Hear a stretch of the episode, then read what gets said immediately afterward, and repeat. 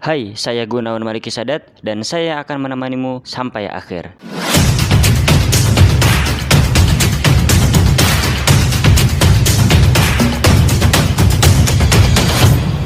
Balik lagi di GMS Podcast episode ke-38.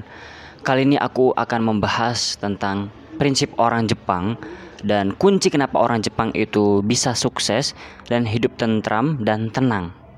Ada salah satu prinsip yang terkenal dengan nama atau sebutan Ikigai. Oke, okay?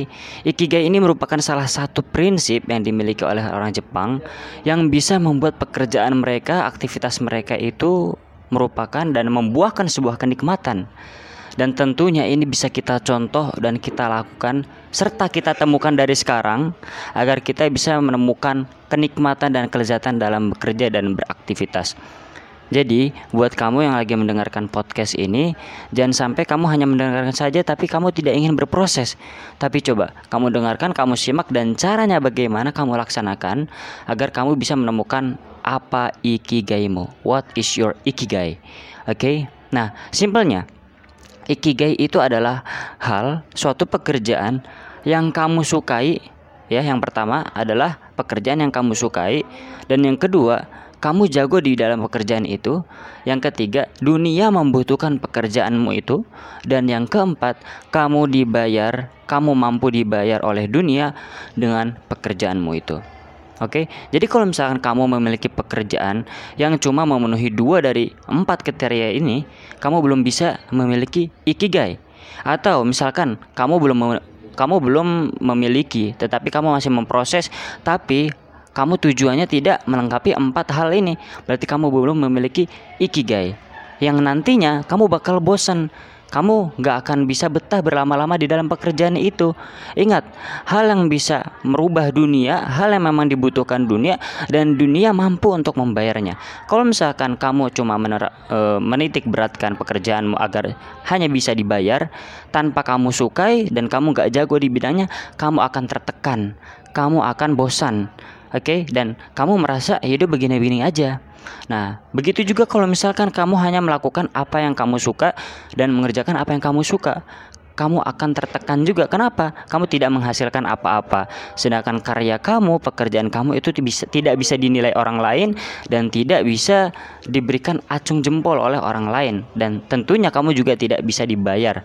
Akhirnya kamu nggak bisa makan, nggak bisa tinggal di mana-mana. Nah, kalau misalkan kamu cuma melakukan hal yang memang kamu jagoi, belum tentu hal itu adalah hal yang dibutuhkan oleh dunia. Akhirnya, ya udah kamu jago sendiri, kamu hanya bergerak sendiri, kamu nggak dibutuhkan, dan tentunya kamu nggak akan dibayar oleh pekerjaan yang menurut kamu itu jago di bidang itu. Nah, ya kan? Jadi dari keempat hal ini, jadi jangan sampai kita hanya memiliki pekerjaan yang menutup satu kriteria aja, tapi kita perlu untuk memiliki empat-empatnya. Oke? Okay? Yang pertama adalah pekerjaan yang kamu cintai, yang kamu sukai. Yang kedua adalah pekerjaan yang memang kamu jago di dalamnya. Kemudian yang ketiga, pekerjaan yang dibutuhkan dunia dan yang keempat, pekerjaan itu mampu dibayar oleh dunia. Kalau misalkan kamu sudah melakukan empat hal ini dan memiliki empat hal ini untuk pekerjaan kamu sekarang, kamu pasti nggak ada bosan-bosannya. Oke? Okay? Karena di dunia itu kita tidak hanya bekerja. Oke, hidup kita bekerja dan beribadah. Tetapi kalau misalkan kita hanya berat sebelah untuk bekerja aja tanpa ibadah, kita nggak akan bisa tenang hidup di dunia. Makanya itu, kenapa kita harus rajin bersedekah, kenapa kita harus sedekah ilmu, sedekah materi, karena ya itu agar kita bisa diberikan ketenangan hidup di dunia dan tentunya dengan kita bekerja keras di dunia untuk bisa menyisihkan amal kita ketika ada di akhirat. Jadi untuk teman-teman semua dan untuk kamu yang sedang mendengarkan podcast, jangan lupa untuk share ilmu ini ke teman-teman kamu yang lain agar dari remaja sebelum kita memiliki umur yang udah senja, yang udah tua, biar gak terlambat nih, kita harus tahu dulu.